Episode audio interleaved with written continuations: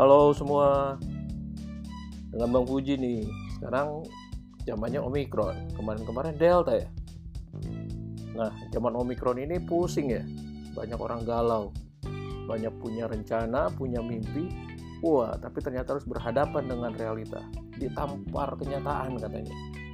Drama sekali ya. Nah, ada anak-anak muda yang bertanya.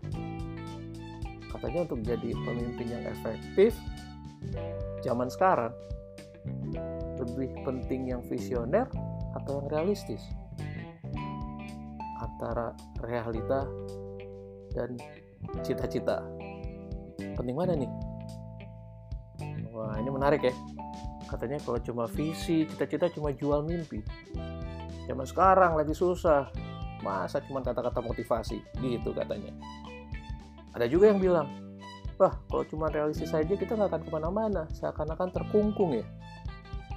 Dengan apa yang kita tahu dengan apa yang kita punya. Jadi gimana dong? Kalau menurut Bang Fuji gini mikirnya. Cita-cita tidak boleh dibatasi. Ada atau tidak corona ada atau tidak pandemi kita tetap harus punya mimpi. Nah yang kedua satu lagi ini bukan soal realistis tapi kita harus tahu kondisi real di lapangan. Kondisi real ya.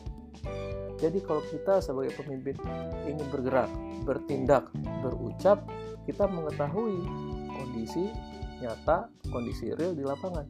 Baik itu dari aspek psikologisnya maupun aspek-aspek lainnya. Jadi kalau ngomong nggak out of touch, kita bisa menggerakkan.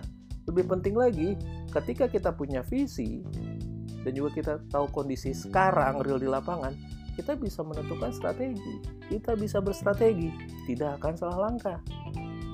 Jadi, dua-duanya penting kalau kita ingin efektif. Nah, ini yang sering dilupakan. Pandemi aja disalahin. Ya kan? Ya, pandemi nggak pandemi tetap aja.